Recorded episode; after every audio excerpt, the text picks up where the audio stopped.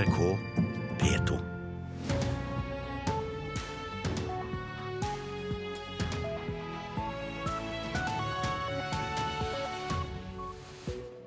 God fredagsmorgen. Klokka er 6.30. Du lytter til Nyhetsmorgen med Anne Jetlund Hansen i studio. Dette er hovedsakene våre den neste halvtimen. FNs klimakonferanse blir avsluttet i dag. I går ble det brudd i forhandlingene, men det er ventet et forslag til en avtale senere i dag. Og Tine Sundtoft er optimist. Vi jobber fremdeles for at når vi drar herfra, så er det tydeligere hvordan vi skal jobbe på vår vei til Paris neste år. Det har aldri vært så lite mat til reinen på Finnmarksvidda som det er nå, og det betyr at det kan bli en svært krevende vinter, ifølge Landbruksdirektoratet.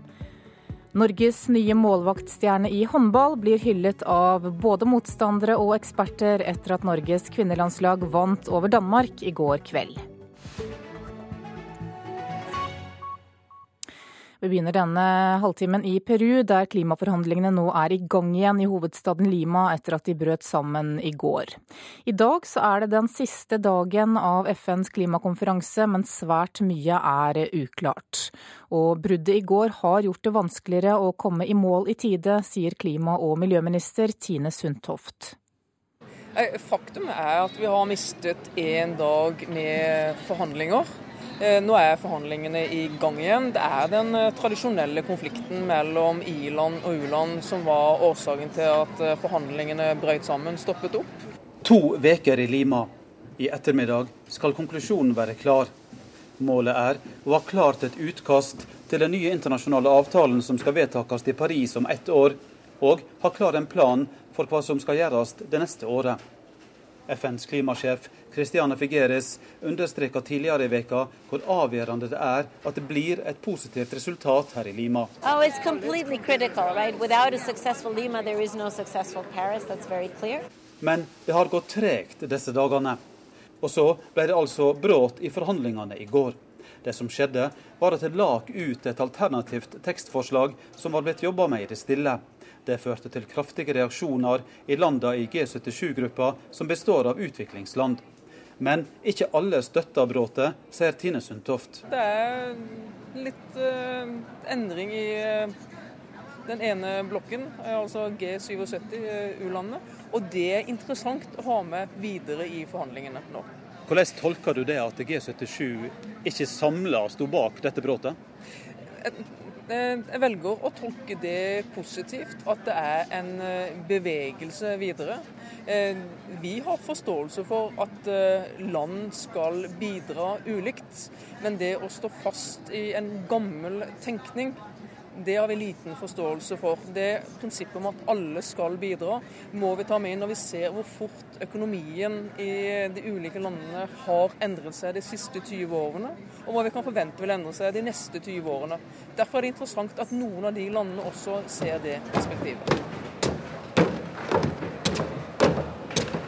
Tett av folk opp til møte i G77-gruppa seint i går kveld men ingen vil uttale seg til NRK. Is this the G77? Yes, yes, yes. Det alle er spent på, er hva denne siste dagen i Lima vil bringe. Vi jobber fremdeles for at når vi drar herfra, så er det tydeligere hvordan vi skal jobbe på vår vei til Paris neste år. Faktum er vi har mistet én dag. Vi er i gang igjen. Det er ikke to blokker som står mot hverandre. Det er positivt. Nå tar vi det inn i sluttforhandlingene. Det sa klima- og miljøminister Tine Sundtoft, og reporter i Lima det er Eivind Molde. I USA vedtok Representantenes hus sent i går kveld i siste liten et nytt statsbudsjett. Budsjettet skal finansiere de fleste statlige departementer og byråer ut september neste år. Budsjettet ble vedtatt med 219 mot 206 stemmer, men det må også vedtas av Senatet før det kan legges frem for presidenten til signering. Helt frem til avstemningen så jobbet Obama-administrasjonen og den demokratiske og republikanske ledelsen i Kongressen med å samle nok demokratiske stemmer for kompromissforslaget på 1,1 milliard dollar før fristen utløper midnatt. Både venstre- og høyrefløyen i Kongressen var skeptiske til budsjettet. Så skal det handle om oljeservicebransjen. Over 80% av tiden i disse selskapene kastes bort på feil, sjekking og venting. Det mener Bård Karlsen, som jobber med å hjelpe selskaper til å bli mer effektive. Han kaller oljeservicebransjen blant de verste når det gjelder å være ineffektive. Men dersom det effektiviseres mer, så kan det også bety at flere mister jobben. Det er med maskinerer en drøss med forskjellige komponenter til olje- og gassindustrien. Eller ikke bare det, da, men veldig mye. Vi er i maskinhallen til IKM på Sola utenfor Stavanger. Sjefen for det hele, Ståle Kyllingstad, viser oss rundt. De delene der, nei, de koster vel fort en 10 000-15 000. Ting de lager her skal ofte ut offshore. Men det er ikke bare å huke av på en bestilling og være ferdig med det ting tar tid i oljebransjen. Vi fikk en forespørsel for å lage en liten jobb til 30 000. Så var forespørselen som bare kom til oss på 401 sider. Og det er klart både altfor mye papir og altfor mye å sette seg inn i for å lage for en jobb til mellom 20 000 og 30 000, som en, var en liten, veldig enkel konstruksjon. Og det eksempelet er ikke enestående. Nettopp i oljeservice brukes det enormt mye tid på sjekking, dokumentasjon, feil og venting. Og Når vi da begynner å se på hva folk gjør, så ser vi at det er veldig mye bortkasta tid. Det kan være kanskje opptil 70-80% Det sier Bård Karlsen, som jobber i revisjonsselskapet EY med å nettopp effektivisere måter bedrifter jobber på. Når, liksom, når du ser på prosessen, altså en oppgave, når den skal fullføres, så fra, fra noen får, ber om å få gjort en oppgave til den faktisk er ferdigstilt, så kan det være oppi 99% av tiden at den oppgaven ventes på å bli fullført. Hva er det du holder på med? Kjører jeg dyseplate. Dyseplate? Hva kunder er det for? Det jobber over 150 000 mennesker i oljeservice- og leverandørbedrifter i Norge i dag. Kombinasjonen av synkende etterspørsel og lite effektiv tidsbruk kan bety at flere av disse vil bli overflødige. Ja, det kommer til å foregå en god del kapasitetsjusteringer i bransjen som følge av reduksjon i etterspørselen. Men når man driver med denne type effektiviseringsarbeid, så er det veldig viktig at man finner måter å håndtere den reduksjonen i behov for bemanning av den, av den type aktiviteter. Vi skal jo ikke ha folk til å gjøre ting som ikke skaper verdi. Jannik Lindbekk i Statoil forteller at også de ser at det har blitt behov for å forenkle, og at de har satt i gang. Og det kan gå utover jobber også der. Økt effektivitet kan redusere, kan redusere bemanningsbehovet. Eh, men det kan også samtidig eh, medvirke til at man får frigjort eh, kapasitet til å gjøre andre viktige oppgaver. Så det er ikke en nødvendig konsekvens at, at økt effektivisering gir overtallighet. For Kyllingstad derimot er effektivisering stort sett bare godt nytt. Da vil produktiviteten øke så mye at vi vil få mer jobb i Norge. og Dermed så vil jeg få, faktisk få en vinn-vinn-situasjon. Du får altså billigere produkter, du får mer aktivitet, for vi er blitt billigere i Norge. Og Reportere her var Inger Johanne Stenberg og Eirik eh, Gjesdal. Da skal vi tilbake til klimaforhandlingene som altså pågår for fullt i Perus hovedstad Lima. Senere i dag er det ventet et forslag til en ny avtale, og neste år er det klimatoppmøte i Paris, hvor målet er å vedta en ny klimaavtale som skal følge opp avtalen fra Kyoto. Håkon Selen, doktorgradsstipendiat ved forskningsstiftelsen CICERO, god morgen. God morgen. Du her. Ja. Du, du, følger med på det som, som, skjer under disse forhandlingene og er med oss direkte fra, fra, Lima nå. Hvilke forventninger har du til denne siste dagen? Ja, Det er ganske vanskelig å si på det tidspunktet. Det har vært ganske mye dramatikk i dag.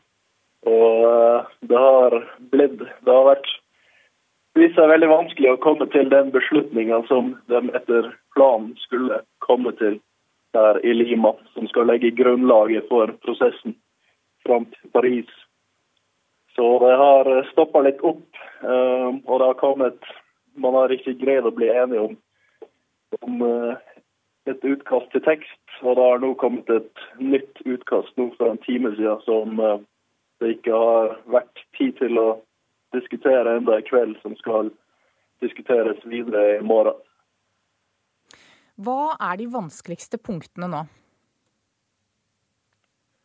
De vanskeligste punktene er om um, angår den uh, prosessen rundt at land skal melde inn sine uh, bidrag eller løfter for den nye avtalen. Dette skal skje i løpet av 2015. Og det De vanskeligste spørsmålene rundt den prosessen er om de her bidragene skal fokusere på utslippskutt, eller om tilpasning og finansiering skal ha like stor rolle som utslippskutt. Et annet vanskelig spørsmål er om det skal være en internasjonal gjennomgang av bidragene før de blir gjort endelig. Og For det tredje så er det vanskelige forhandlinger om hvilken informasjon som skal legges fram sammen med bidragene, slik at de blir forståelige og sammenlignbare. Og Ikke minst så er det vanskelige forhandlinger om i hvordan grad det skal stilles forskjellige krav til i-land og u-land. Ja, hva skal til da for å få til en enighet her? Ja, Det peruvianske vertskapet har tatt en veldig aktiv rolle nå. Og på en måte instruert coachers til å lage en tekst som de egentlig ikke har fått mandat til å lage av partene, for partene var veldig uenige seg imellom, og var også uenige om hvordan man skulle fortsette prosessen med å, med å diskutere tekst.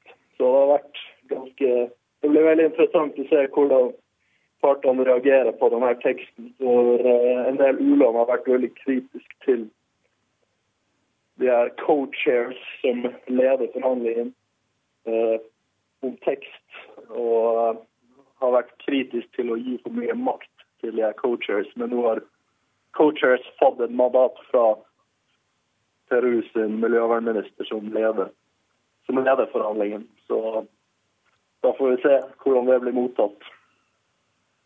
Det får vi gjøre. Takk for at du var med i Nyhetsmorgen, Håkon Selen ved forskningsstiftelsen Cicero. Det har aldri før vært så lite mat til reinsdyrene på Finnmarksvidda som det er nå. Det konkluderer forskere ved Norut, som har overvåket beitegrunnlaget i 30 år. Altså Endringene er jo dramatiske over tid, altså, og nå er vi nede på det laveste nivået som vi har målt i denne her perioden. Bernt Johansen er en av forskerne som i nesten 30 år har brukt satellittdata til å se på hvordan beiteforholdene på Finnmarksvidda har endra seg. I juni i år overleverte de sin hittil siste og mest nedslående rapport til sin oppdragsgiver, tidligere Reindriftsforvaltninga, nå Landbruksdirektoratet, og administrerende direktør der, Jørn Rolfsen. Resultatene er jo ganske klare, og det viser jo at lavdekket, Eh, har gått drastisk ned. Altså, når vi starta dette her i 1987, så utgjorde lavdekket 19% av totalarealet. Og den siste runden vi har hatt nå, viser at dekket i 2013 er ned i dramatiske 4% Dramatisk fordi det betyr at reinens viktigste næringskilde på vinterbeite er i ferd med å skrumpe inn.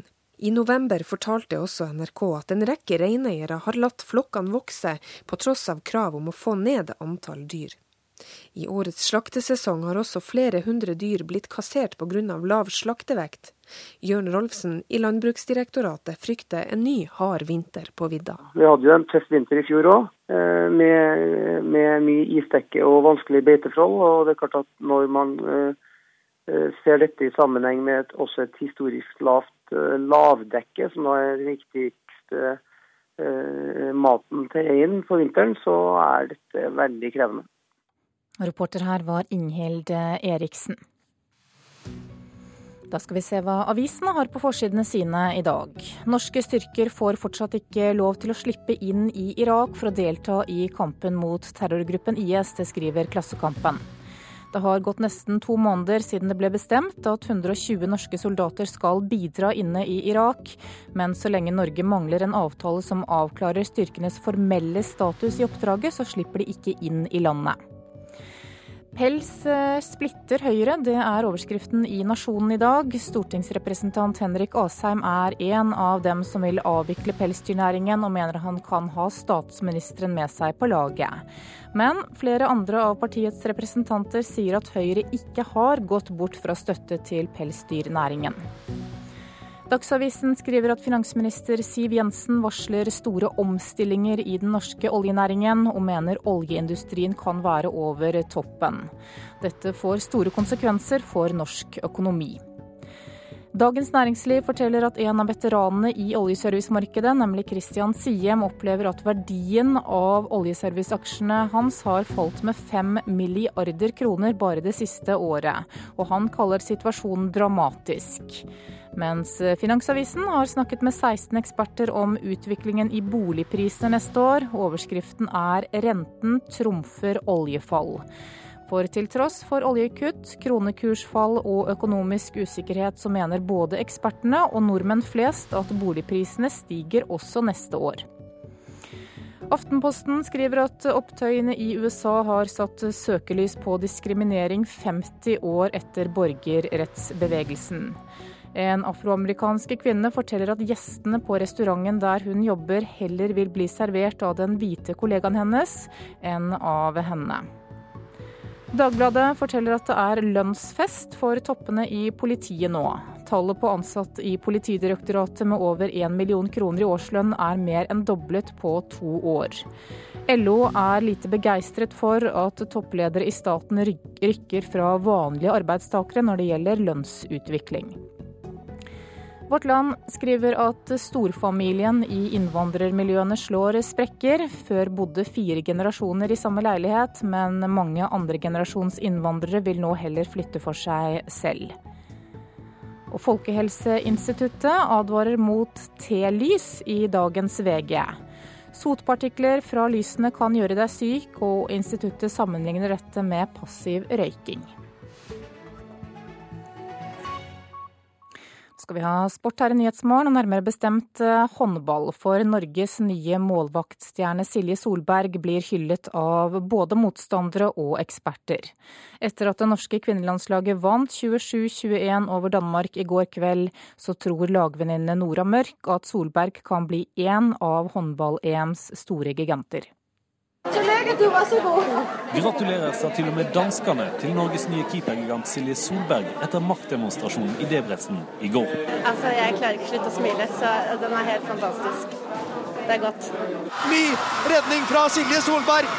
Herre min hatt, og du har stengt det målet! Det er helt i verdensklasse. Hun klarer å snu en litt dårlig start og spille seg helt utrolig opp og ha en redningsprosent på rundt 50, det er, eh, det er ikke mange målvakter som eh, gjør det mot eh, kanskje et av verdens beste lag. Sier NRKs håndballekspert Øystein Havang. Og nå tror lagvenninne Nora Mørk at vi vil få se keepershow på keepershow fra Solberg gjennom resten av VM. Det var veldig veldig godt, og Silje fortjener det. Hun har, hun har liksom venta lenge, og nå følte jeg at, det var hennes dag. og Hennes andre omgang var helt fantastisk der. og Hun var så aggressiv og offensiv, og det var, det var nydelig å se. Hun fortjener det virkelig. Du ser for deg at hun blir en matchvinner eh, kanskje i flere kamper? Ja, klart det. Silje har det som trengs, hun, så hvorfor ikke? Det. vet man aldri, men jeg håper det. Jeg skal gjøre mitt beste. Så jeg trenger god hjelp fra Forsvaret og komme i gang litt, så mm, vi får se. Reporter her, det var Hans Henrik Løken. Klokka er 6.48 eh, nå, du hører på Nyhetsmorgen og dette er hovedsakene våre. Det er dramatisk i klimaforhandlingene i Peru. Landene sliter med å bli enige om et utkast, forteller Håkon Selen i Cicero, som følger forhandlingene i Lima. Det har aldri vært så lite mat til reinsdyrene på Finnmarksvidda som det er nå, og det betyr at det kan bli en svært krevende vinter, ifølge Landbruksdirektoratet. Hvem skal du gi julegaver til, og når kan du slutte å gi julegaver til folk du har pleid å kjøpe til? Det blir det mer om om noen få minutter. For nå skal vi høre at nærbutikkene i distriktene gjør det bedre, og folk er lojale mot nærbutikken sin. Det viser en rapport som Merkur-programmet har bestilt fra Institutt for bransjeanalyse. Merkur-programmet gir hjelp til utkantbutikker for at de skal klare seg, og noen butikker sliter fortsatt med å overleve, men de fleste av disse Merkur-butikkene har vekst i omsetningen. En av dem er Joker Follereid i Nærøy i Trøndelag. Hva syns du om den lokale nærbutikken nå? Ja, Utnes har jo ikke overlevd. Det er helt suverent. Overordna alt uansett. Bjørnar Longård handler det han trenger på nærbutikken Joker Foldereid. Denne er en av mange Merkur-butikker i Trøndelag. Merkur-programmet er Kommunal- og moderniseringsdepartementets program for å styrke butikker i Distrikts-Norge. Det finnes vel 1000 distriktsbutikker i Bygde-Norge, og nesten 600 av dem her er Merkur-butikker. En fersk rapport fra Institutt for bransjeanalyse viser at Merkur-butikkene har størst vekst, og at folk er lojale til nærbutikken. Daglig leder på Joker Foldred, Håvard Skeie, kjenner seg igjen i det. Folk har uh, mer og mer fokus på å berge den butikken som er i bygda. Det blir jo veldig tungvint den dagen den ikke er der. Så jeg føler det at uh, vi har veldig god uh, støtte og oppbacking fra vår kundekrets. Vi har hatt gode resultat. Resultatene forbedrer seg hvert år. og Det er jo kanskje Merkur en årsak av, samt at vi har jo kommet inn i Norgesgruppen, som har atskillig gode og bedre betingelser enn der vi var. Det sa daglig leder ved Joker Follereid, Håvard Skeie, og reporter her det var Liv Godvass Lie. Film- og musikkselskapene dropper ikke kravet om å blokkere fildelingsnettstedet Pirate Bay, til tross for at nettsiden kan være borte for godt. Nettstedet ligger nemlig fortsatt nede etter at svensk politi stengte siden etter en razzia.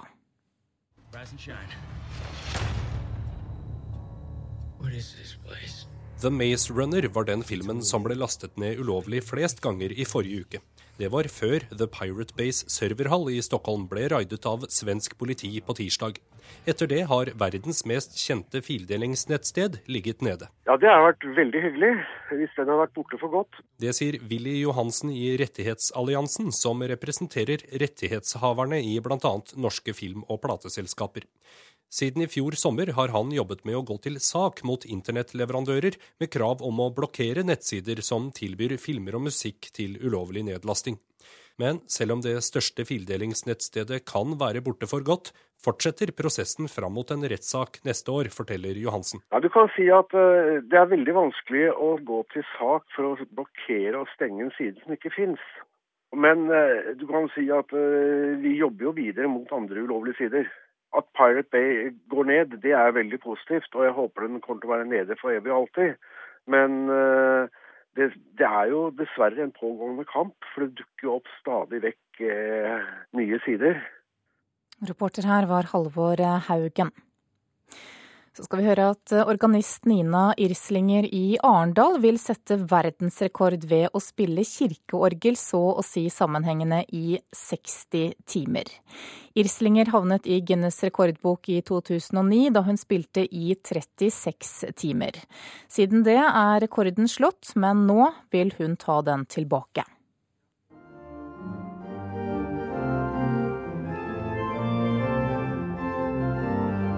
Nina Gjeslinga er til daglig organist i Tre kirker øst i Arendal, men har fått lov til å bruke det nye orgelet i Trefoldighetskirka i sentrum av byen til verdensrekordforsøket i mars neste år. Ja, nei, det blir krevende.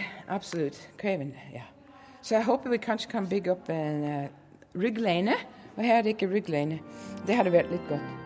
Støtte i ryggen kan være godt å ha når irslinga etter planen skal sitte på orgelkrokken så å si sammenhengende i 60 timer.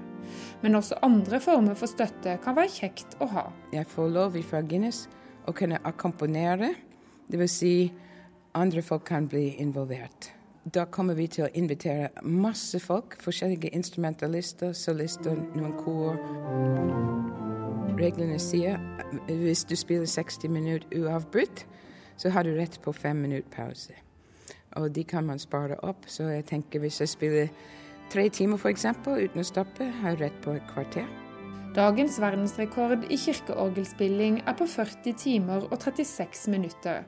Når Irslinga har som mål å slå denne med nesten 20 timer, har det sin helt spesielle grunn. Det er at jeg selv fyller 60 år 30. Eh, mars 2015. Og så har jeg ikke lyst til å legge opp til sånn vanlig 60-årsfeiring, så jeg tenkte kanskje jeg klarer å spille 60 timer. Jeg er ganske sikker at jeg klarer å slå rekorden. I januar og februar da kommer jeg til å gå i trening, da jeg eh, tar to timers økter og øker det opp til seks-sju timers økter bare for å ja, trene på utholdenhet. Nina Irslinger har også tidligere hatt verdensrekorden i kirkeorgelspill. Den ble hos etter 36 timer på orgelkrakken i Evje kirke i 2009. Om jeg klarer 60 timer, vet jeg ikke, men jeg skal prøve på det. Ja, og Verdensrekordforsøket skjer siste helgen i mars neste år. Reporter her, det var Miriam Grov. Hvem skal du gi julegaver til, og når skal du slutte å gi julegaver til tantebarn som er i ferd med å bli voksne? Det er det mange som spør seg om nå før jul. Forhåpningene om å få gaver fra hele familien er i hvert fall stor hos elleveåringene som vi har truffet i Oslo tante og onkel, mamma og pappa, bestemor og bestefar. Mormoren min og en del av familien og kanskje venner. Og nissen! Elevene ved Oslo Montessori-skole er ganske så sikre på hvem de kommer til å få julegaver fra i år. Så hva skjer hvis f.eks. tante og onkel bestemmer seg for at tiden er inne for å slutte å gi gaver til tantebarna? Anita Borch ved Statens institutt for forbruksforskning har i over 20 år forsket på jula, og har bl.a. sett på når man slutter å gi julegaver. Og så var det 62% som sa når mottaket blir voksne, men de spesifiserer ikke her hvor gammel barnet er når det er voksen. Om det er konfirmasjonsalder, om de er 18 år eller om de er eldre. Borch tror likevel at de fleste har sluttet å gi gaver når tantebarna eller vennenes barn er i 20-årene. Når de begynner å få samboer og barn osv., da overføres muligens noe av gavegivninga til deres barn. Elleveåringene ved Montessori-skolen har ganske ulike forventninger om når de voksne skal slutte å gi dem julegaver. Da tror jeg jeg er sånn 15 år eller noe. Kanskje om åtte år. Jeg blir 18. 30, 40, 50 år, da. Barnepsykolog Elisabeth Gerhardsen tror de fleste barn svelger de reglene som de voksne har fastsatt, uten å blunke. Problemet blir den dagen barnas foreldre ikke er enig. Altså når de overhører mammaen eller pappaen sitte og småsnakke lavt og frustrert på kjøkkenbordet over hvor gjerrig og gnien onkel onkelen eller tante er, da blir det et problem. Derfor mener Gerhardsen at det kan være greit å sette opp noen kjøreregler for når man ikke lenger skal gi gaver, slik at det ikke oppstår misforståelser. Jeg tror ikke jeg ville fortalt en fireåring at når du blir 18, da skal ikke jeg gi deg gave mer. Det høres jo bare litt sånn depressivt ut. Men jeg ville kanskje vurdert å snakke med de voksne som du gir til gir til barna til. Hvis det er snakk om å slutte å gi til små barn, hvis det er snakk om tenåringer, så kan man godt forklare dem at jeg har den vanen at jeg ikke gir eh, lenger enn til konfirmasjon, og det kan du kanskje fortelle året før konfirmasjon, eller du kan fortelle året før du skal slutte, i hvert fall at dette blir siste året, for jeg pleier å slutte når barna er 18. Det er jo ikke bare å få gave til jul, liksom. Det er jo å feire med alle sammen. Hvis vi ikke feirer sammen lenger, så blir jeg litt lei meg. Altså, alle barn har alltid litt lyst på gaver, men man må jo bare akseptere hvis det tar slutt. Reporter her, det var Agnes eh, Fasting. Nå skal vi se på et værvarsel som gjelder til midnatt. Fjellet i Sør-Norge kan vente seg enkelte snøbyger i vest. Østlandet liten kuling på kysten. Kan hende spredt sludd eller snø sør for Mjøsa. Telemark først på dagen frisk bris på kysten. I kveld opp til liten kuling. Kan hende litt sludd eller regn nær kysten. Agder sørvestlig frisk bris på kysten. Regnbyger, snø i høyden. Utrygt for torden og opp i liten kuling på kysten. Rogaland og Hordaland sørvestlig frisk bris på kysten. Først på dagen opp i liten kuling i nord. Regnbyger og snø i høyden. Utrygt for torden, og fra i ettermiddag sørøstlig opp til frisk bris. Sogn og Fjordane sør- og sørvestlig opp til sterk kuling på kysten. Regnbyger, snø i høyere strøk. Utrygt for torden. I kveld sørøstlig liten kuling på kysten. Møre og Romsdal sørøstlig opp til stiv kuling utsatte steder. På Sunnmøre enkelte regnbyger. Snø i indre og høyere strøk. Utrygt for torden. I kveld sørøstlig liten kuling utsatte steder. Trøndelag kan vente seg sørøstlig til dels eh, liten kuling utsatte steder i dag, i kveld minkende. Nordland og Troms nord for Vestfjorden sørøstlig frisk bris, ellers liten kuling utsatte steder, i ettermiddag minkende. Lettskyet pent vær, litt mer skyet i grensetraktene og på Helgeland. I Finnmark er det ventet liten kuling utsatte steder i dag. Først på dagen stiv kuling lengst øst, spredt snø på vidda og i øst. Og på Nordensjøland på Spitsbergen så er det ventet sørvestlig periodevis stiv kuling i vest. Enkelte snøbyger. Så tar vi med temperaturene som ble målt klokka fire. Da hadde Svalbard lufthavn minus fem grader, Kirkenes to. Vardø tre, Alta null, Tromsø minus fire, Bodø og Brønnøysund tre. Trondheim 2, Molde 6, Bergen 3, Stavanger og Kristiansand 2, Gardermoen 1, Lillehammer 0, Røros minus 2 og Oslo-Blindern 2 plussgrader klokka 4 i morges. NRK P2. Mange asylbarn har fått større psykiske problemer etter å ha vært i Norge i to år, viser undersøkelse. Og pelsdyrbønder forteller om trusler etter TV-dokumentar om pelsdyrnæringen. Her er NRK Dagsnytt klokka sju. Mange mindreårige asylsøkere som kommer alene til Norge har alvorlige psykiske problemer. Og etter to år i landet er rundt halvparten av barna blitt dårligere, viser en ny studie fra Nasjonalt kunnskapssenter om vold og traumatisk stress. Mange har med seg fryktelige krigsopplevelser og trenger behandling, sier prosjektleder eh, psykolog Tine Jensen ved Universitetet i Oslo. Det de rapporterer mest om, det er det vi kaller posttraumatisk stressplager. Dvs. Si eh, at de har påtrengende minner og bilder av ulike hendelser de har erfart fra hjemlandet sitt. Eh, det kan være at de har vært vitne til drap eller ulike krigshendelser. Kartleggingen av den psykiske helsen til enslige mindreårige asylsøkere er unik i sitt slag. 93 barn mellom 10 og 16 år var med da prosjektet startet. Da hadde de nettopp kommet til Norge. 75 av dem ble fulgt opp to år senere.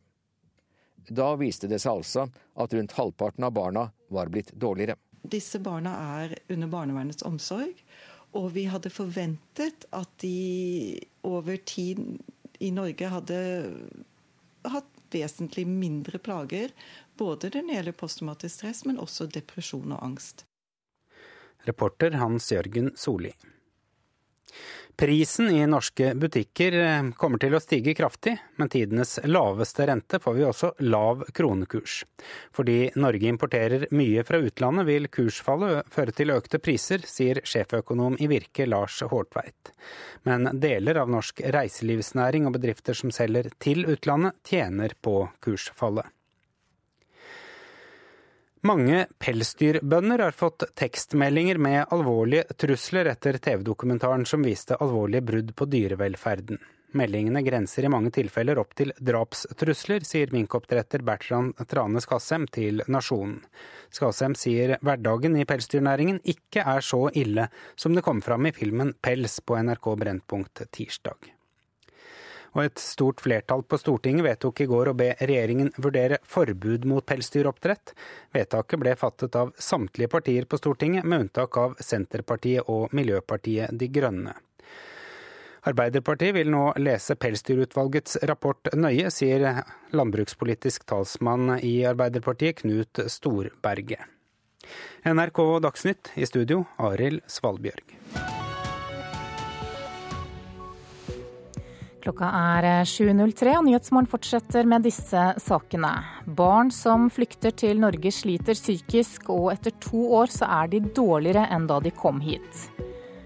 I India er drosjetjenesten Uber nå stengt av myndighetene etter at en kvinnelig passasjer ble voldtatt i forrige uke. Og prisene i norske butikker kommer til å stige kraftig fordi krona er svekket.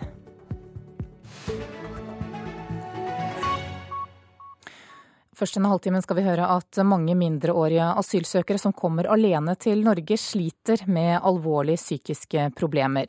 Om lag halvparten av barna er blitt dårligere etter å ha vært her i landet i to år. Det viser en ny studie fra Nasjonalt kunnskapssenter om vold og traumatisk stress. Mange lider av posttraumatisk stress og trenger behandling, sier prosjektleder psykolog Tine Jensen ved Universitetet i Oslo. Dvs. Si eh, at de har påtrengende minner og bilder av ulike hendelser de har erfart fra hjemlandet sitt. Eh, det kan være at de har vært vitne til drap eller ulike krigshendelser. De strever med søvn, eh, sover dårlig. De har generelt mye uro, kroppslig uro i kroppen når konsentrerer seg dårlig osv. Jeg har så masse ting som jeg kan ikke snakke med, de, med noen. De som, helst, de som jobber her, kan ikke fortelle de som jeg har inni. Jeg vil snakke med noen som noen psykolog liksom, som ikke kjenner meg, liksom. Hassan er 16 år. Han flyktet fra Pakistan til Norge for halvannet år siden. Hassan vil ikke snakke om fortida si. Han ville ikke snakke med en psykolog engang, selv om han fikk tilbud om det da han kom til landet. Han stolte ikke på noen. I dag, derimot, vil han snakke med en psykolog. Men nå vet han ikke om han får det. Og Hassan er ikke alene. Hvis vi tenker på hvor unge de er, noen av de er så små som ti år, så har de altså flyktet fra krig og reist alene. Mange har brukt måneder på å komme til Norge. Noen har erfart nye overgrep på reisen. Kartleggingen av den psykiske helsen til enslige mindreårige asylsøkere er unik i sitt slag. 93 barn mellom 10 og 16 år var med da prosjektet startet. Da hadde de nettopp kommet til Norge.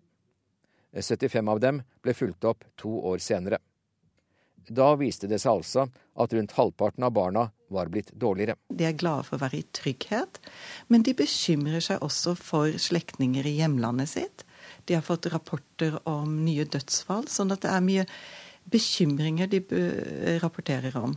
Eh, det vi også ser, er at det er mye optimisme og håp. Så vi har tenkt at hvis man kunne bruke den perioden når de er her og kommer og fortsatt har mye håp og tro på fremtiden.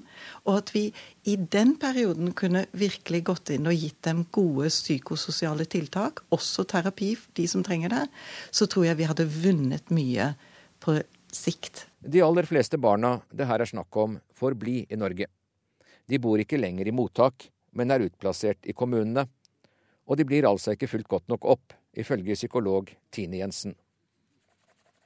Hassan går på videregående skole. Og så tegner han, som her. Det er god terapi mens han venter på psykologhjelp. Jeg liker å tegne liksom smil, på en måte. Reportere var Hans Jørgen Solli og Eirin Margrethe Fidje. Overlege i barne- og ungdomspsykiatri Aina Baslier Våge, velkommen. Takk. Du har jobbet med asylbarn i 20 år og jobber nå ved Transkulturelt senter i Stavanger. Aller først, Mange av disse barna som vi snakker om her har voldsomme erfaringer når de kommer hit. Hva slags hjelp er det de trenger? De trenger først og fremst tre ting. Det ene er trygge rammer. Det at de er kommet i trygghet, og at de vet at her skal de få være. Det andre er at de trenger tilknytning. De trenger noen personer å forholde seg til som kan bli et eh, fast festepunkt i en veldig vanskelig tilværelse, og at det er en tilknytning som må få lov å være over tid.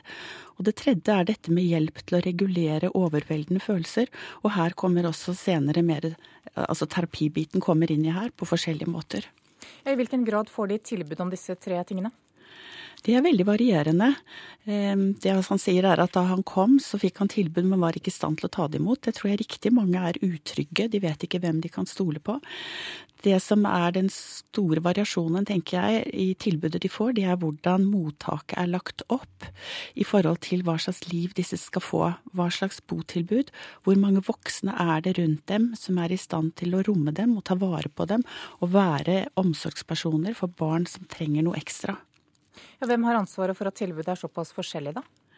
Det er vel opp til de enkelte kommunene, så vidt jeg har forstått. Dette er ikke mitt spesialfelt, akkurat hvordan de er organisert, men jeg vet at ulike kommuner har ulikt tilbud, og at det er også noe med rammeforholdene i starten fra UDI i forhold til f.eks. For bemanningsfaktor. Det er også en forskjell om de kommer inn under barnevernet, de som er under 15 ved ankomst, eller de som er eldre og kommer i den første fasen på vanlig mottak med lav bemanningsfaktor.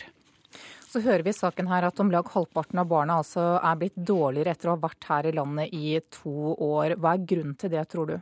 Jeg tror det er sammensatt. Det er for øvrig noe i tråd med hva man ser hos voksne flyktninger. Jeg tror det blir en slags sum av de vanskelige opplevelsene de har hatt før og under flukt. Så kommer de til en ny situasjon i Norge som representerer nye ekstreme belastninger, og det tar lang tid å finne ut av den nye situasjonen i det nye landet, med de bekymringer som også ble nevnt tidligere i reportasjen. Slik at det er en ekstrem belastning å komme til Norge og finne ut av den tilværelsen uten rammene og nettverket og familien rundt seg, men tvert imot med en ekstra bekymring for hvordan det går med de som er igjen i hjemlandet. Du har altså jobbet med asylbarn i 20 år. Kan du si litt om hva disse barna forteller deg? De forteller at de har hatt det forferdelig, samtidig som de ikke orker å fortelle om det de har opplevd helt konkret, for det setter i gang for mye følelser. De trenger å la være å fortelle for å tørre å etablere seg. Og mange sier i utgangspunktet at dette må du ikke spørre meg om, dette orker jeg ikke å snakke om. Og det er da utfordringen kommer i forhold til hvordan kan vi som helsetjeneste bidra til å gi de trygghet, til å gi de rammer som gjør at de etter hvert kanskje enten kan tørre å forholde seg til de traumene de har vært igjennom, eller kan få hjelp til å leve uten å gå inn på det. Og det er jo den spesialkompetansen som vi holder på å utvikle også ved vårt transkulturelle senter, hvor, hvor, det er fokus, og hvor vi ser at helsetjenesten ofte trenger litt hjelp til å finne ut hvordan gjør vi dette. Men Hva slags prioritet har disse barna da i det norske helsevesenet? De har i, i fine ord og, og, rapporter så skal de prioriteres høyt, men jeg ser jo at i praksis så blir de ofte møtt med en usikkerhet fra hjelpetjenesten man vet liksom ikke helt hvordan man skal ta tak i det. Det er komplisert for man må bruke tolk. Det er en situasjon man ikke er helt komfortabel med. Slik at det trengs nok en jobb i forhold til å prioritere disse barna høyere og se at dette kan være veldig verdifulle ressurser for samfunnet på sikt, men da må vi ta godt vare på de og gi de trygge og gode rammer fra første dag i Norge. Overlege Aina Basliere Våge, takk for at du var med i Nyhetsmorgen. Nå skal vi til eh, India, for der er drosjetjenesten Uber nå stengt av myndighetene etter at en kvinnelig passasjer ble voldtatt i forrige uke. Saken har vakt stor debatt i India, og hva er grunnen til det, Asia-korrespondent Peter Svaar?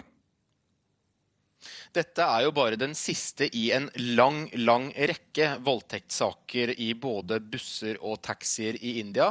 Og det har gått en debatt i flere år om sikkerheten for kvinner på offentlig transport i det hele tatt, etter en, særlig etter en massevold, massevoldtekt av kvinner på en buss for uh, to år siden. Og når denne saken med Uber nå ble offentlig i forrige uke, fikk den enorm oppmerksomhet. Bilder av taxisjåføren er trykket på forsiden av indiske aviser. Han er navngitt. Mange mener han fortjener å lynsjes istedenfor bare å få fengsel fengselsstraff. Politiet sier for øvrig at han har tilstått, men uten å ha gjort noen formelle avhør av ham enda. Og så spiller nok striden rundt en annen voldtektssak også inn. Indisk eh, føderalt politi frikjente for litt over en uke siden gjerningsmenn mistenkt for å voldta og drepe to småjenter som ble funnet hengt i et eh, tre i, tidligere i år. Politiet mener nå at disse jentene tok kollektivt selvmord, og det er en forklaring veldig få tror på. Så det er et raseri mot den manglende rettssikkerheten for kvinner i India som får utløp nå. Ja, hva gjør indiske kvinner for å være trygge nå, da? De bruker mobilen. Det er en hel rekke mobilapplikasjoner spesielt laget for formålet, som eh, da når man åpner dem, sender en melding til venner eller familie med et GPS-signal om hvor de er, at de setter seg på buss og taxi. Eh, familien kan da følge dem på kartet, og det er en alarmknapp som kan varsle omgivelsene, og som også bruker mobilens kamera til å da ta bilder og sende rundt til eh, venner og andre kontakter. Så det at det eksisterer et behov for den type mobilapplikasjoner i India, at de må gjøre den type tiltak tiltak for å føle seg trygge i eh, taxier og offentlig transport, sier også sitt om hvor utsatt mange kvinner føler seg. Og denne voldtekten skjedde altså i en drosje fra tjenesten Uber. Hva er fremtiden for Uber eh, nå da? Det er eh, et godt spørsmål. Nå er Uber og flere andre lignende nettbaserte taxitjenester sperret av myndighetene. De sier faktisk akkurat det samme som eh, det man gjør i Norge, at Uber mangler løyve og tillatelse til taxivirksomhet i India. Og tjenesten har nå lovet å innføre grundigere bakgrunnssjekk av sine sjåfører.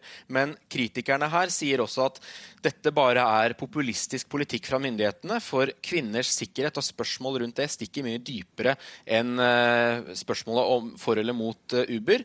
Og Uber, sier kritikerne, har vært populær blant kvinner i India fordi den faktisk regnes som tryggere enn alternativet, som er Delhis gule og svarte taxier. Nå er det altså usikkert hva som blir tjenestens fremtid i India fremover. Takk skal du ha, Asia-korrespondent Peter Svår. Klokka har passert 7.14. Du hører altså på Nyhetsmorgen, og dette er hovedsakene våre. Mange asylbarn har større psykiske problemer etter å ha vært i Norge i to år enn da de kom hit, viser undersøkelse. Prisene i norske butikker kommer til å stige kraftig. Med tidenes laveste rente så får vi også lav kronekurs. Og følg oss videre, så skal du bl.a.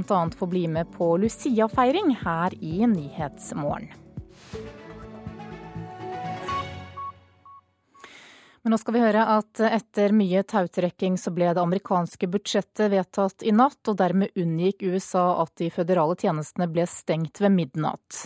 Men denne gangen så har president Barack Obama gitt mer enn det demokratene i Representantenes hus greide å svelge.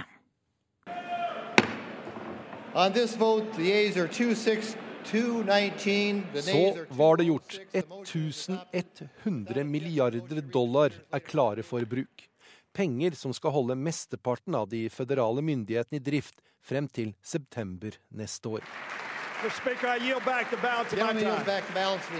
Med avstemningen unngikk amerikanerne det vanlige skuespillet. Et budsjett som ikke blir vedtatt i tide, og med det stor fare for at føderale tjenester stenges for publikum.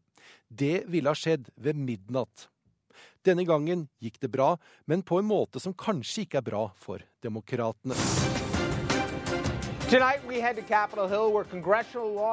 De politiske analytikerne har hatt nok å bite i de siste døgnene, for budsjettforslaget er noe president Obama har godtatt, men som hans partifeller ikke er spesielt glade for.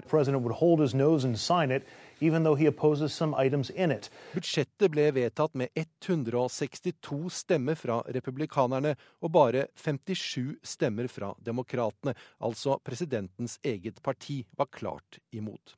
Og det var demokratenes minoritetsleder i Representantenes hus, Nancy Pelosi, som talte motstandernes sak.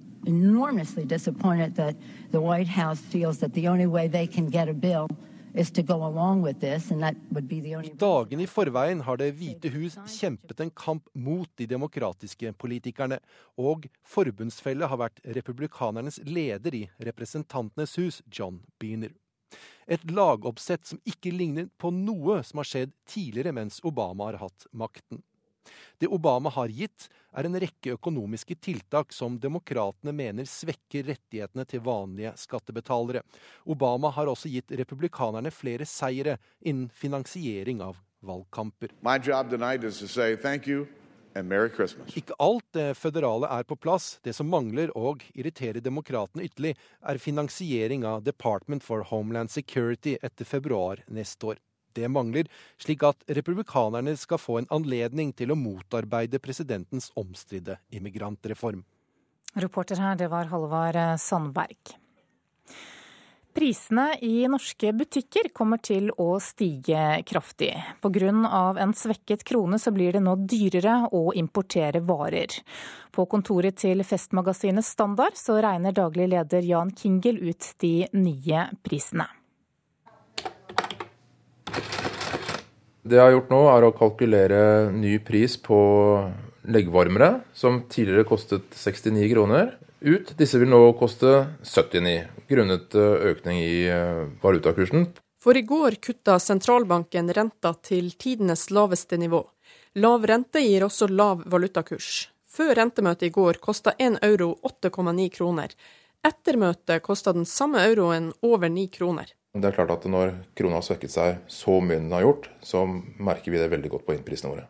Og når 90% av varene i butikken importeres fra utlandet, ser Kingel bare én løsning. Ja, Vi er nødt til å øke prisene våre etter hvert som vi tar inn nye produkter. Og han er ikke den eneste som kommer til å merke effekten av den svake krona i regnskapet sitt. Det sier sjeføkonom i Virke, Lars Hortveit. De aller fleste norske varehandelsbransjer rammes, eh, for nesten alle selger en god del importvarer. Det er klart at Dagligvarehandelen har mer norsk produksjon som de selger, enn en, en de øvrige bransjene.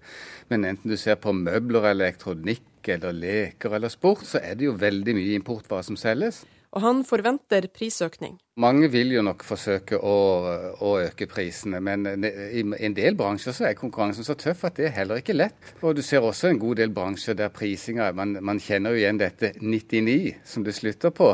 Så det er ikke alltid så lett å få prisene opp heller. Men, men at det vil få betydning for, med, for økte, økte priser, det er sikkert. Hos Standard gir dette seg helt konkret utslag i at en juletredrakt til 499 nå vil gå opp til 549 kroner. Men er kundene villige til å betale mer? Hvis jeg hadde lyst på den, så hadde jeg kjøpt den uansett om det var 50 kroner mer eller mindre. Hvis jeg ville ha den drakten, så er 499 og 549 samme leie. Ja, jo, jeg hadde nok kjøpt den, men det irriterer. Det irriterer meg at man skal gå opp i pris. Vi velger å betale den ekstra 50-lappen, men hvor går grensa? Jeg, jeg, tror ikke det finnes sånn, sånn sett én smertegrense, men når varer blir dyrere, så vil man over tid merke igjen at det er mindre igjen på lønnskontoen før neste lønna kommer inn etter hvert. Og det er klart at det tar man hensyn til. Så økte priser fører til lavere volum over tid. Men selv om forbrukerne må punge ut med mer penger, er det ikke bare tapere når krona synker i verdi. Vinnerne er jo i første rekke norske eksportbedrifter og, og bedrifter som selger til utlendinger, f.eks. deler av reiselivet som selger mye til utlendinger. Det er viktig nå som olje og oljerelatert går ned, så trenger vi nye vekstmotorer. Eh, så det blir viktig for norsk økonomi. Reporter her, det var Eva Marie Bulai. Forbrukerøkonom Magne Gundersen i Sparebank1-gruppen, god morgen. God morgen. Aller først, hvem av oss er det som kommer til å merke konsekvensene av lavere kronekurs? Alle vil egentlig merke konsekvenser. Både bedrifter vil merke konsekvenser, sånn som vi hørte her, og vi privatpersoner. Bedrifter er det sånn at de vil varer de importerer for å selge til nordmenn her i Norge, de vil jo bli dyrere å kjøpe inn. Eh, mens norske bedrifter som produserer varer for å selge til utlandet, ja, de blir lettere å selge, for de blir billigere. Når det gjelder oss privatpersoner, så eh, vil jo varer kunne bli eh, dyrere. Vi får høyere inflasjon. Hvor mye høyere, det er vanskelig å si. Eh, enkeltprodukter, sånn som vi hørte i denne reportasjen, kan jo stige med 10-15% faktisk. Eh, men eh, nå er det jo varer som knapt vil stige i det hele tatt. Så hva, det totalt sett vil bety på når det gjelder denne konsumprisindeksen, liksom samla prisstigningen, så vil nok det bli ja, over to, men eh, hvor mye over to, det blir spennende å se. Så hørte vi innslaget her at folk eh, velger å betale denne ekstra 50-lappen, da de fleste av oss har kanskje råd også til en prisøkning? Ja, vi har det, vet du. Og grunnen til at vi har råd, eh, og vi faktisk får, kan få enda bedre råd nå i forbindelse med at Norges Bank satte ned renten i går, ganske uventet, det er jo at lån i Norge er veldig billige. Og folk flest har boliglån. Så når renten settes ned, så får vi bedre råd. Og vi har en veldig lav rente nå, hatt det ganske lenge, så folk har fått mye ekstra i lommeboka bare pga. det. Så derfor tåler vi en, eh, at prisene går nå opp. Og hvis vi får gjennomslag fra rentekutt i Norges Bank ut i boliglånene, som du og jeg har, ja, så får vi enda mer å rutte med. Så vi tåler en prisøkning. Det ødelegger ikke økonomien til folk flest. Ikke med det første, i hvert fall. Det betyr at eh, f.eks. unge mennesker med høye boliglån kommer til å komme bedre ut av det egentlig når renta blir satt ned også i storbankene? Ja, faktisk. De med høyest boliglån, de er de som kommer best ut av det. Når, og det regner vi med. Eh, de fleste bankene kommer til å sette ned renta. Hvilke råd gir du til norske forbrukere fremover nå, da? Ja, mitt viktigste råd, kanskje, det er å være forsiktig med eh, å øke forbruket ditt. Fordi at nå du, får du enda mer penger å rutte med pga. lavere rente. Eh, og så bruker du opp alle pengene, hele rentegevinsten din, på forbruket ditt, som det forsvinner hver måned i det store hullet. Og sånn er det ofte hvis du ikke har en liten plan. Så vær forsiktig med å bruke opp hele rentegevinsten eh, bare på generelt forbruk. Du bør faktisk, når renta er så lav som nå, enten ha noen konkrete mål, enten med å betale ekstra ned på lånet ditt, eller med å spare ekstra mer enn det du ellers ville gjort. Magne Gundersen, takk for at du kom hit til Nyhetsmorgen. Da skal vi se hva avisene har på forsidene sine i dag. Norske styrker får fortsatt ikke lov til å slippe inn i Irak for å delta i kampen mot terrorgruppen IS, skriver Klassekampen. Det har gått to måneder siden det ble bestemt at 120 norske soldater skal bidra inne i Irak, men så lenge Norge mangler en avtale som avklarer styrkenes formelle status i oppdraget, så slipper de ikke inn i landet. Pels splitter Høyre, det er overskriften i Klassekampen i dag. Stortingsrepresentant Henrik Asheim er en av dem som vil avvikle næringen, og han mener at han kan ha statsministeren med seg på laget. Men flere andre av partiets representanter sier at Høyre ikke har gått bort fra støtte til pelsdyrnæringen. Dagsavisen skriver at finansminister Siv Jensen varsler store omstillinger i den norske oljenæringen, og mener oljeindustrien kan være over toppen. Dette får store konsekvenser for norsk økonomi. Mens Dagens Næringsliv forteller at en av veteranene i oljeservicemarkedet, nemlig Christian Siem, opplever at verdien av oljeserviceaksjene hans har falt med fem milliarder kroner bare det siste året, og han kaller situasjonen dramatisk. Finansavisen har snakket med 16 eksperter om utviklingen i boligprisene neste år, og overskriften er 'Renten trumfer oljefall'. Til tross for oljekutt, kronekursfall og økonomisk usikkerhet, så mener både ekspertene og nordmenn flest at boligprisene stiger også neste år. Aftenposten skriver at opptøyene i USA har satt søkelys på diskriminering 50 år etter borgerrettsbevegelsen. En afroamerikansk kvinne forteller at gjestene på restauranten der hun jobber, heller vil bli servert av den hvite kollegaen hennes. Dagbladet skriver at det er lønnsfest for toppene i politiet. Tallet på ansatte i Politidirektoratet med over 1 million kroner i årslønn er mer enn doblet på to år. Og LO er lite begeistret. Vårt Land skriver at storfamilien i innvandrermiljøene slår sprekker. Før så bodde mange bodde fire generasjoner i samme leilighet, men mange andregenerasjons innvandrere vil nå heller flytte for seg selv.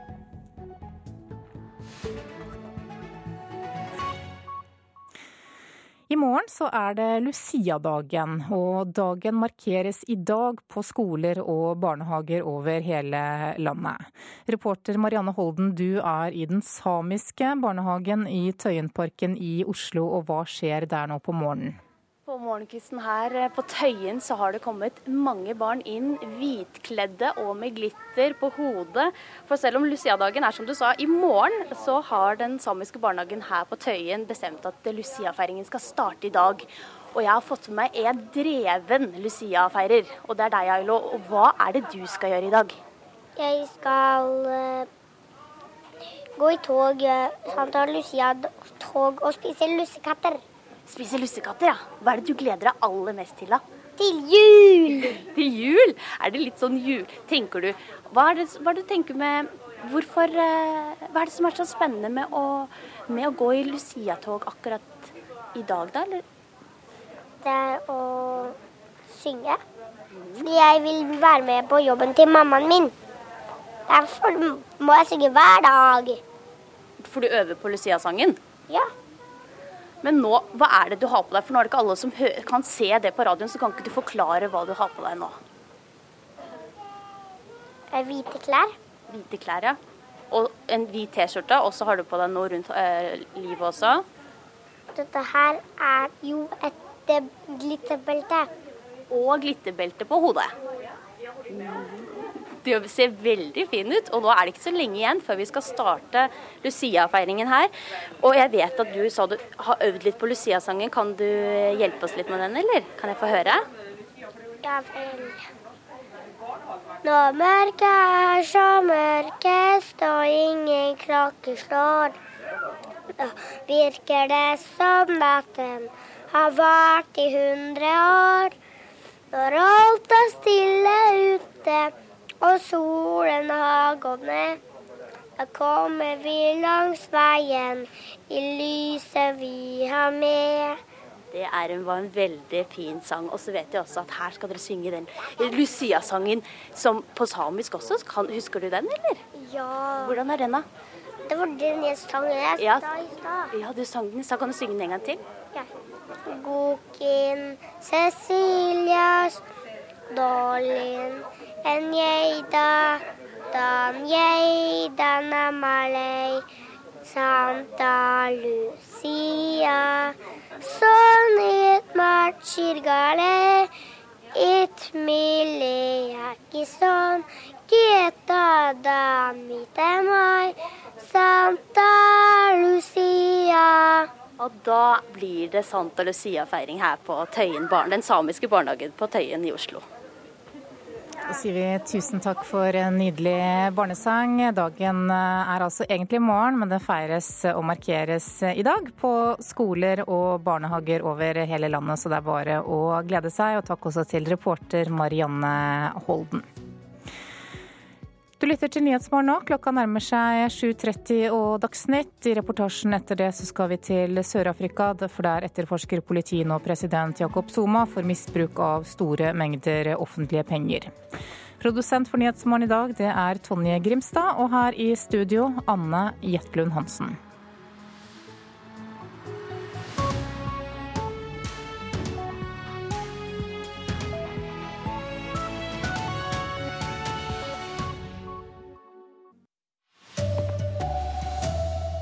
Barn på flukt er blitt psykisk dårligere etter at de kom til Norge. Importvarer blir betydelig dyrere fordi krona falt kraftig i verdi. Og når tantebarna blir voksne, er det greit å kutte ut julegavene. Her er NRK Dagsnytt, klokka er 7.30. Mange mindreårige asylsøkere som kommer alene til Norge, sliter med alvorlige psykiske problemer. Og rundt halvparten av barna er blitt dårligere etter at eh, de har vært her i landet i to år. Det viser en ny studie fra Nasjonalt kunnskapssenter om vold og traumatisk stress. Mange lider av alvorlige stresslidelser og trenger behandling, sier prosjektleder psykolog Tine Jensen ved Universitetet i Oslo.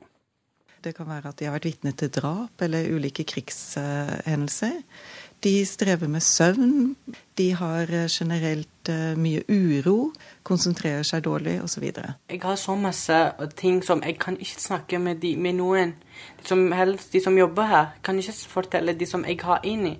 Jeg vil snakke med noen som noen psykolog liksom, som ikke kjenner meg, liksom. Hassan er 16 år. Han flyktet fra Pakistan til Norge for halvannet år siden. Hassan vil ikke snakke om fortida si, han vil bare snakke med en psykolog. En han kan stole på, og han er ikke alene. De strever i det stille. Kartleggingen av den psykiske helsen til enslige mindreårige asylsøkere er unik i sitt slag. 93 barn mellom 10 og 16 år var med da prosjektet startet. Da hadde de nettopp kommet til Norge. 75 av dem ble fulgt opp to år senere. Da viste det seg altså at rundt halvparten av barna var blitt dårligere. De er glade for å være i trygghet, men de bekymrer seg også for slektninger i hjemlandet sitt. De har fått rapporter om nye dødsfall, sånn at det er mye bekymringer de rapporterer om. De er barn og har vært på flukt, alene. De fleste får bli i Norge, og nå er det viktig at de blir fulgt opp over tid, slik at de ikke får det verre, sier Jensen. I mellomtiden tegner Hassan. Slik behandler han seg selv mens han venter på psykologhjelp. Jeg liker å tegne liksom smil, på en måte. Reportere her Hans Jørgen Solli og Eirin Margrethe Fidje. Prisene i norske butikker kommer til å stige kraftig. Pga. svekket krone blir det nå dyrere å importere varer. På kontoret til festmagasinet Standard regner daglig leder Jan Kingel ut de nye prisene. Det jeg har gjort nå, er å kalkulere ny pris på leggvarmere, som tidligere kostet 69 kroner, ut. Disse vil nå koste 79, grunnet eh, økning i eh, valutakursen. For i går kutta sentralbanken renta til tidenes laveste nivå. Lav rente gir også lav valutakurs. Før rentemøtet i går kosta 1 euro 8,9 kroner. Etter møtet kosta den samme euroen over 9 kroner. Sjeføkonom i Virke, Lars Hårtveit, forklarer hvem som rammes av den svake krona. De aller fleste norske varehandelsbransjer rammes, eh, for nesten alle selger en god del importvarer. Det er klart at dagligvarehandelen har mer norsk produksjon som de selger, enn en, en de øvrige bransjene. Men enten du ser på møbler elektronikk eller leker eller sport, så er det jo veldig mye importvarer som selges. Hos Standard gir dette seg helt konkret utslag i at en juletredrakt til 499 nå vil gå opp til 549 kroner. Men er kundene villige til å betale mer? Hvis jeg hadde lyst på den, så hadde jeg kjøpt den uansett om det var 50 kroner mer eller mindre. Ja, jo, jeg hadde nok kjøpt den, men det irriterer. Det irriterer meg at man skal gå opp i pris. Men det er ikke bare tapere når krona svekkes. Vinnerne er jo i første rekke norske eksportbedrifter og, og bedrifter som selger til utlendinger. F.eks. deler av reiselivet som selger mye til utlendinger. Og Det er viktig nå som olje og oljerelatert går ned, så trenger vi nye vekstmotorer. Eh, så det blir viktig for norsk økonomi. Reporter er Eva Marie Bulai. Og forbrukerøkonom Magne Gundersen i Sparebank1-gruppen. Kommer vi til å merke disse høye prisene på lommeboka? Ja, det kommer vi til å merke. For vi kommer til, som vi hørte i reportasjen, det er mange som kommer til å se at en del priser kommer til å øke mye. Andre priser vil ikke øke så mye. En del innenlandske varer. Eh, så det blir spennende å se hva det utgjør sånn totalt sett på konsumprisindeksen. Men enkeltvarer de kommer til å stige kraftig. Så hvis vi ikke har lån, så kommer vi til å merke dette? Ja, Hvis du ikke har lån, så får, eh, får du ikke glede av rentenedgangen, som gjør at du får bedre råd og har råd til å takle en eh, prisstigning. På den annen side, hvis du ikke har lån, så slipper du renteutgifter, så du, du tåler jo en, eh, en, prisoppgang allikevel. Det blir veldig spennende å se hvor, hvor mye dette utslaget blir. For valutakursen har jo, norske kroner har svekka seg kraftig både mot euro og dollar mot de fleste viktige valutaer. Så det får store utslag. Takk skal du ha, forbrukerøkonom Magne Gundersen i Sparebank1-gruppen. I den peruanske hovedstaden Lima er klimaforhandlingene kommet i gang igjen etter at de brøt sammen i går. I dag skal FNs klimakonferanse avsluttes, men svært mye er uklart. Bruddet i går har gjort det vanskeligere å komme i mål i tide, sier klima- og miljøminister Tine Sundtoft. Det er den eh, tradisjonelle konflikten mellom i-land og u-land som var årsaken til at eh, forhandlingene brøt sammen, stoppet opp. To uker i Lima. I ettermiddag skal konklusjonen være klar. Målet er å ha klart et utkast til den nye internasjonale avtalen som skal vedtakes i Paris om ett år, og ha klar en plan for hva som skal gjøres det neste året. Men det har gått tregt disse dagene. Og så ble det altså brudd i forhandlingene i går. Det som skjedde, var at det lak ut et alternativt tekstforslag som var blitt jobba med i det stille. Det førte til kraftige reaksjoner i landene i G77-gruppa, som består av utviklingsland. Vi jobber fremdeles for at når vi drar herfra, så er det tydeligere hvordan vi skal jobbe på vår vei til Paris neste år. sa klima- og miljøminister Tine Sundtoft. Reporter i Lima, Eivind Molde. Stortinget behandler i dag et forslag om å heve minstetida i de alvorligste forvaringssakene til 14 år, fra 10 år, som er dagens nivå. Riksadvokaten mener økningen av minstetida vil beskytte samfunnet bedre mot de farligste lovbryterne, skriver Aftenposten. Bakgrunnen for forslaget er en dom i Høyesterett som betyr at det nå skal, være, skal svært mye til for å nekte forvaringsdømte prøveløslatelse. Ved å heve minstetida for forvaringsdømte til 14 år, vil ikke disse lenger kunne bli løslatt tidligere enn dem som er dømt til vanlig fengselsstraff. Norges nye keeperstjerne Silje Solberg blir hyllet av både motstandere og eksperter. Etter 27-21-seieren over Danmark i går tror lagvenninne Nora Mørk at Solberg kan bli en av håndball-EMs store giganter. Du var så god. Gratulerer sa til og med danskene til Norges nye keepergigant Silje Solberg etter maktdemonstrasjonen i Debrecen i går. Altså, Jeg klarer ikke å slutte å smile, så den er helt fantastisk. Det er godt. Ny redning fra Silje Solberg. Herre min hatt, og du har stengt det målet! Det er helt i verdensklasse. Hun klarer å snu en litt dårlig start og spille seg helt utrolig opp og ha en redningsprosent på rundt 50. Det er, det er ikke mange målvakter som gjør det mot kanskje et av verdens beste lag. Ja, det sier NRKs håndballekspert Øystein Havang, reporter Hans Henrik Løken. Hvem man skal gi julegaver til, og når man kan slutte å gi julegaver til tantebarn som er i ferd med å bli voksne, er det mange som spør seg om i disse dager. Forhåpningene om å få julegaver fra hele familien er i hvert fall stor hos elleveåringene ved Montessori-skolen i Oslo. Tante og onkel, mamma og pappa, bestemor og bestefar. Mormoren min og en del av familie og kanskje venner. Og nissen! Elevene ved Oslo Montessori-skole er ganske så sikre på hvem de kommer til å få julegaver fra i år. Så hva skjer hvis f.eks. tante og onkel bestemmer seg for at tiden er inne for å slutte å gi gaver til tantebarna? Anita Borch ved Statens institutt for forbruksforskning har i over 20 år forsket på jula, og har bl.a. sett på når man slutter å gi julegaver. Og så var det 62% som sa når mottaket blir voksne, men de spesifiserer ikke her hvor gammel barnet er når det er voksen. Om det er konfirmasjonsalder, om de er 18 år eller om de er eldre. Borch tror likevel at de fleste har sluttet å gi gaver når tantebarna eller vennenes barn er i 20-årene. Når du begynner å få samboer og barn osv., da overføres muligens noe av gavegivninga til deres barn. Barnepsykolog Elisabeth Gerhardsen mener det kan være greit å sette opp noen kjøreregler for når man ikke lenger skal gi gaver, slik at det ikke oppstår misforståelser. Jeg tror ikke jeg ville fortalt en fireåring at når du blir 18, da skal ikke jeg gi deg gave mer. Det høres jo bare litt sånn depressivt ut. Men jeg ville kanskje vurdert å snakke med de voksne som du gir til barna til. Hvis det er snakk om å slutte å gi til små barn, hvis det er snakk om tenåringer, så kan man godt forklare forklarer de at jeg har den vanen at jeg ikke gir eh, lenger enn til konfirmasjon, og det kan du kanskje fortelle året før konfirmasjon. Det er jo ikke bare å få gave til jul, liksom. Det er jo å feire med alle sammen. Hvis vi ikke feirer sammen lenger, så blir jeg lei meg. Altså, Alle barn har alltid litt lyst på gaver, men man må jo bare akseptere hvis det tar slutt. Ja, reporter her, Agnes Fasting. Ansvarlig for denne sendingen, Sven Gullvåg. Teknisk ansvarlig, Hanne Lunås. Her i studio, Arild Svalbjørg. you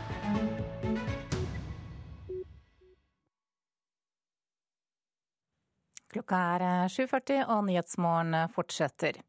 I Sør-Afrika så etterforsker politiet nå president Jacob Zuma for misbruk av store mengder offentlige penger. I en rapport så heter det at mer enn 150 millioner skattekroner har gått til å pusse opp og utvide presidentens private gård. Og saken har fått stor oppmerksomhet i det sørafrikanske samfunnet.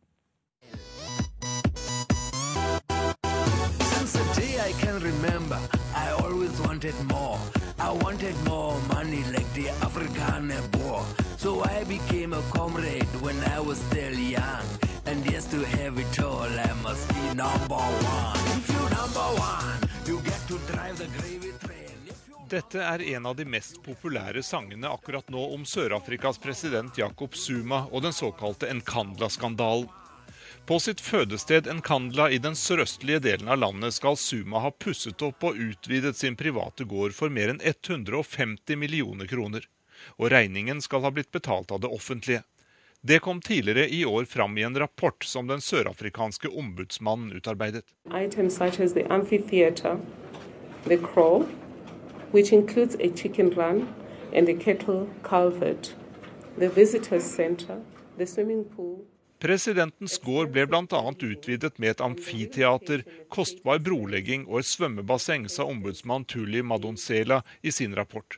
Hun mener at Suma må tilbakebetale en god del av pengene, men hun sier ikke hvor mye. Saken har ført til et voldsomt rabalder i den sørafrikanske nasjonalforsamlingen. Zuma is a thief. I'm not going to withdraw it.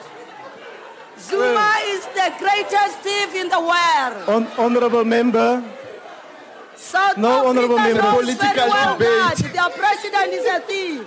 Honorable members. I'm not going to withdraw. I'm asking you President Suma er en tyv og en kriminell, roper en av opposisjonens parlamentsmedlemmer fra talerstolen.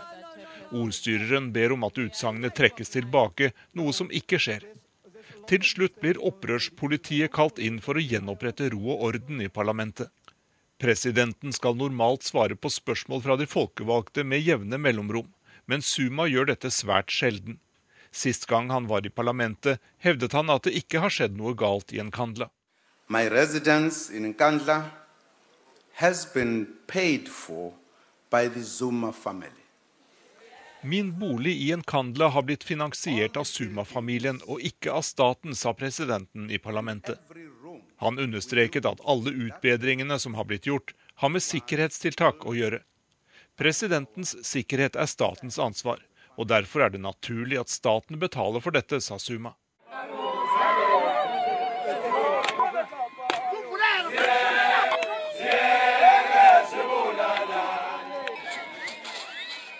Presidentens privatliv er også gjenstand for stor oppmerksomhet.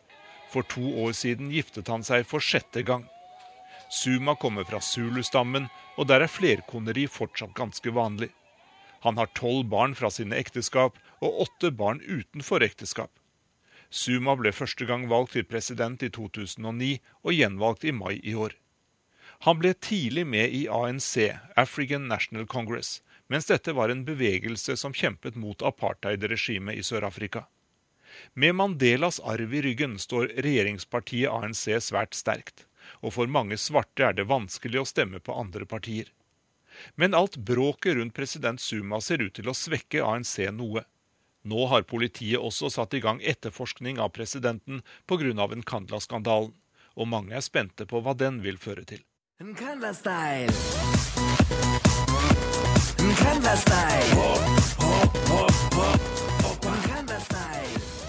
Reporter her, det var eh, Jan Espen Kruse. Klokka har passert 7.44. Du lytter til Nyhetsmorgen, og dette er hovedsakene våre. Mange barn som flykter til Norge sliter psykisk, og etter to år her, så er flere av dem dårligere enn da de kom hit. Prisene i norske butikker kommer til å stige kraftig. En svekket norsk krone gjør at det nå blir dyrere å importere varer. Og klimaforhandlingene er nå i gang igjen i Perus hovedstad Lima etter at de brøt sammen i går. Klokka nærmer seg 7.45, og du får Politisk kvarter ved programleder Håvard Grønli.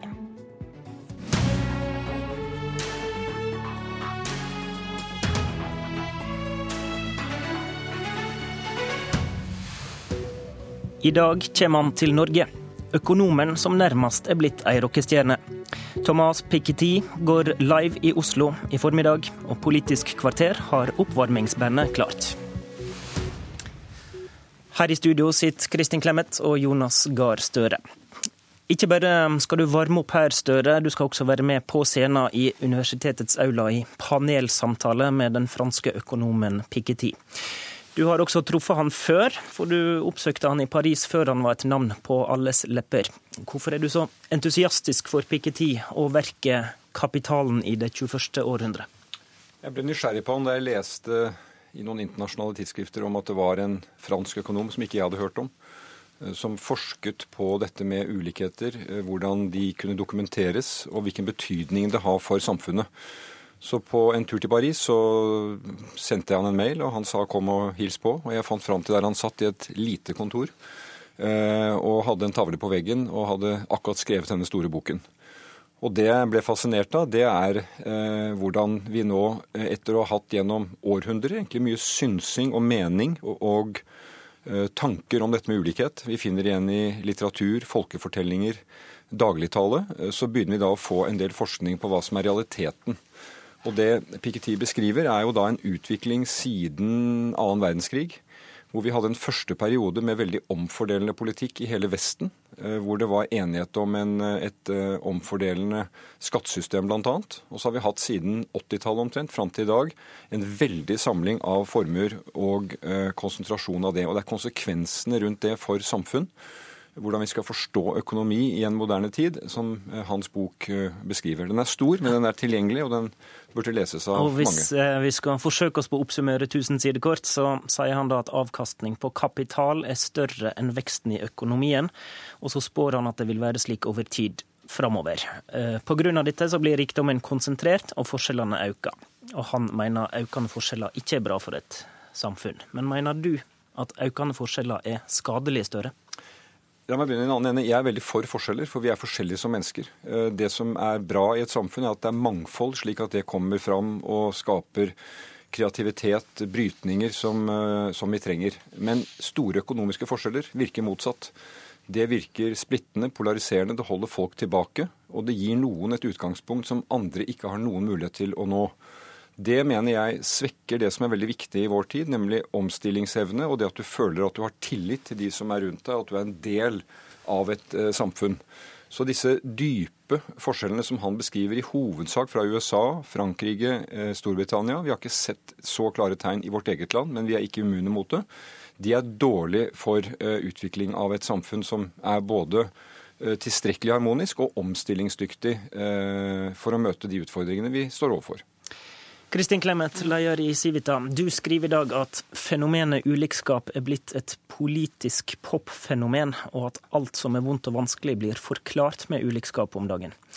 Hva er farlig med dette motefenomenet? Ja, Det er ikke farlig, men man har kanskje tendens til å forklare vel mye med ulikhet. Altså Jeg tror vi må skille litt mellom det vi kaller god og sunn ulikhet, akkurat som Piketty gjør, og det som er dårlig ulikhet.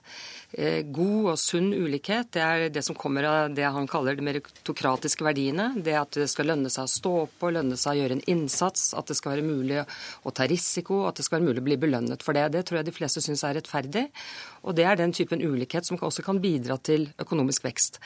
Men så finnes det mye ulikhet i verden som er, eh, skyldes diskriminering, korrupsjon, nepotisme, eller at noen har ranet til seg privilegier som på en urettmessig måte.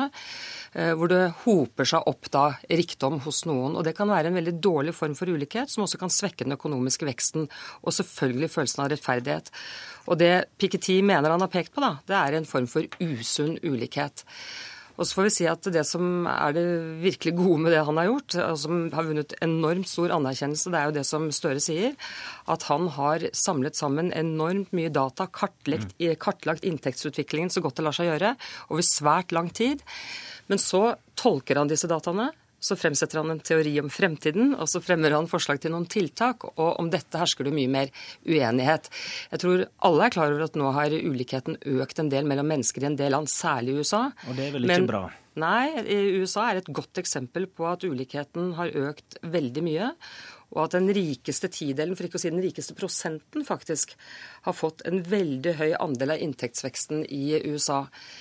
Men noe av kritikken mot Piketty det er at eh, han kanskje ikke skiller godt nok mellom det som har skjedd i USA og det som skjer i Europa, og ikke minst i nordiske land. For her har vi jo en mye lavere uh, ulikhet. Uh, vi er de likeste landene i verden, vi er også de rikeste landene i verden. Større.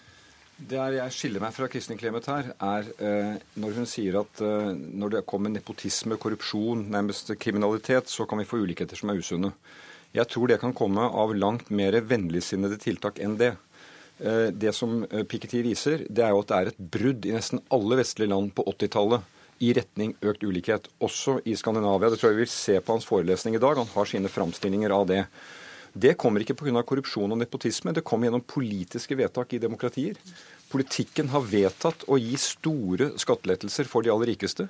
Eh, og de har ikke klart å løfte de som da blir hengende etter. Det handler om tradisjonell fordelingspolitikk. Jeg tror ikke vi kan bruke fordelingspolitikk som på 50- og 60-tallet. Men det å forstå moderne fordelingspolitikk for å motvirke forskjeller og se hva dette gjør med mennesker, det er, det er hans budskap. Og der tror jeg vi vil få en interessant debatt mellom høyresiden og venstresiden i synet på det. Vi hører fra eh, forlengelsen av det Kristin Clemet sier nå om at vel, eh, det er greit med forskjeller, det er ikke så stort problem. Og det oppstår når det kommer nærmest ikke-fungerende samfunn med kriminalitet og korrupsjon. Jeg tror det kan komme mye lettere, og det er det som gjør at det blir så aktuelt også hos oss. Jeg, tror bare, jeg sa bare at du må skille litt mellom USA og det som har skjedd i de nordiske land. Altså, Du har jo rett i at det har vært økende forskjeller mellom mennesker innad i mange land siden 80-tallet.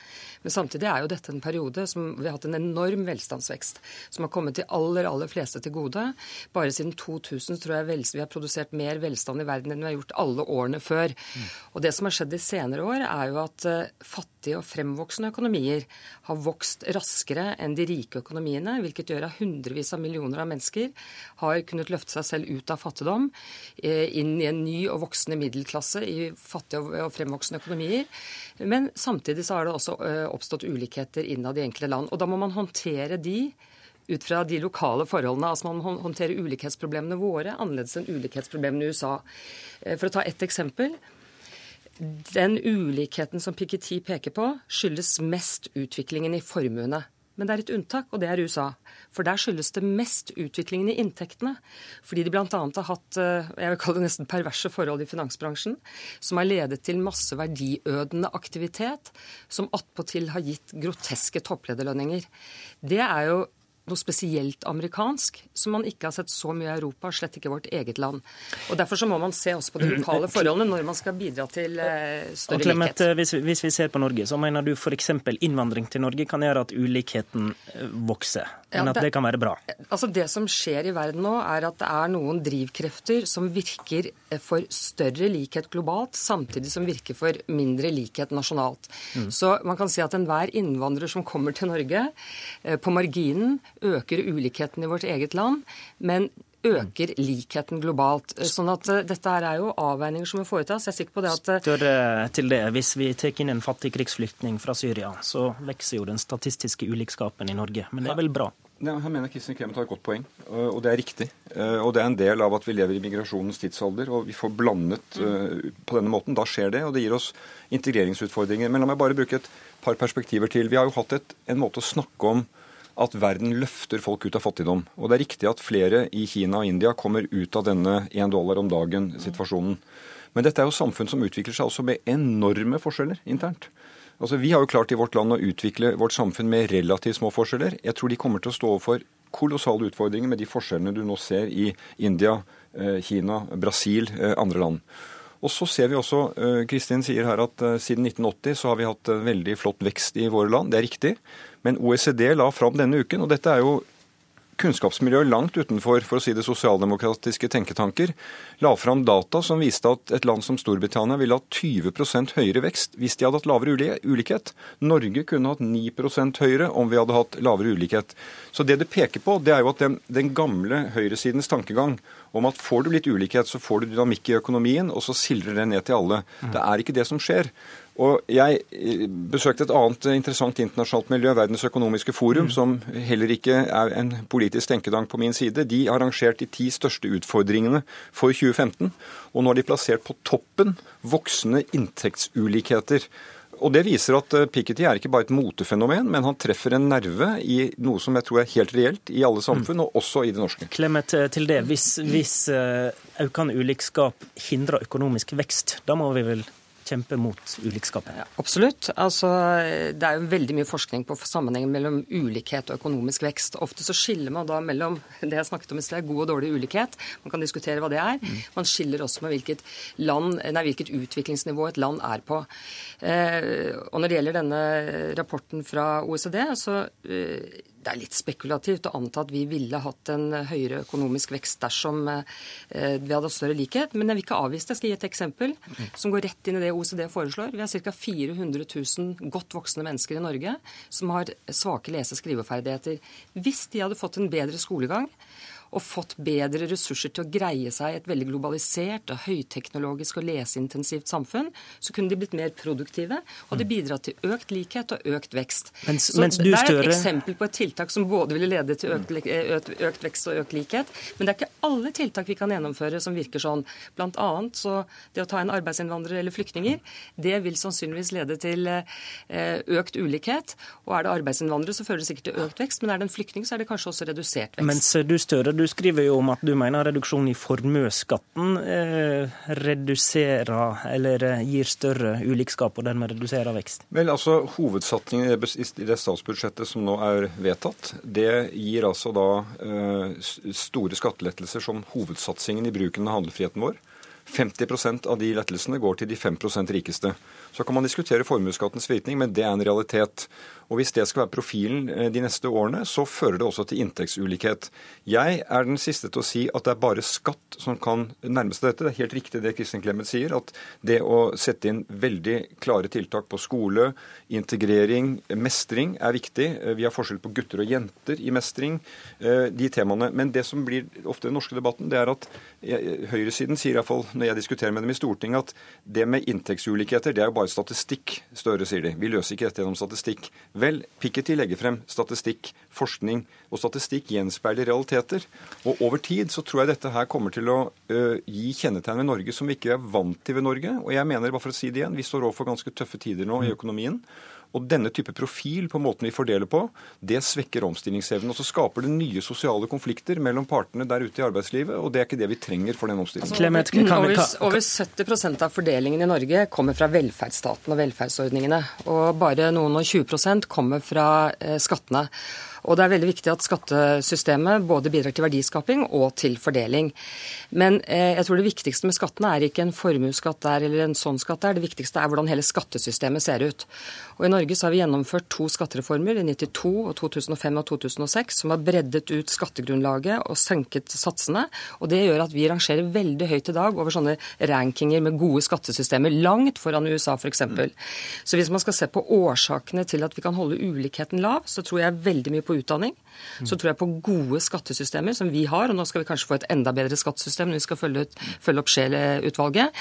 Eh, det er blant de viktigste tingene vi kan, eh, kan gjøre for å holde ulikheten lav, og det viktigste vi også har gjort til nå. Piketty går på scenen i universitetets aula klokka ti. De andre politiske overskriftene i dag er disse. På Aftenpostens eh, partibarometer for desember har Ap og Senterpartiet stortingsflertall sammen. Regjeringa foreslår å stramme inn karantenereglene, skriver Dagens Næringsliv. Politikere som går til privat sektor kan få dobbelt så lang, langt saksforbud som tidligere. I Lima i Peru er det siste dag av høgnivåveka under klimaforhandlingene. Og resten av endringene i arbeidsmiljølova kommer i statsråd i dag. Stikkord er søndagsarbeid, overtid, aldersgrense. Siste ord er garantert ikke sagt i den saka. Politisk kvarter hører du igjen på mandag. I studio i dag var Håvard Grønli.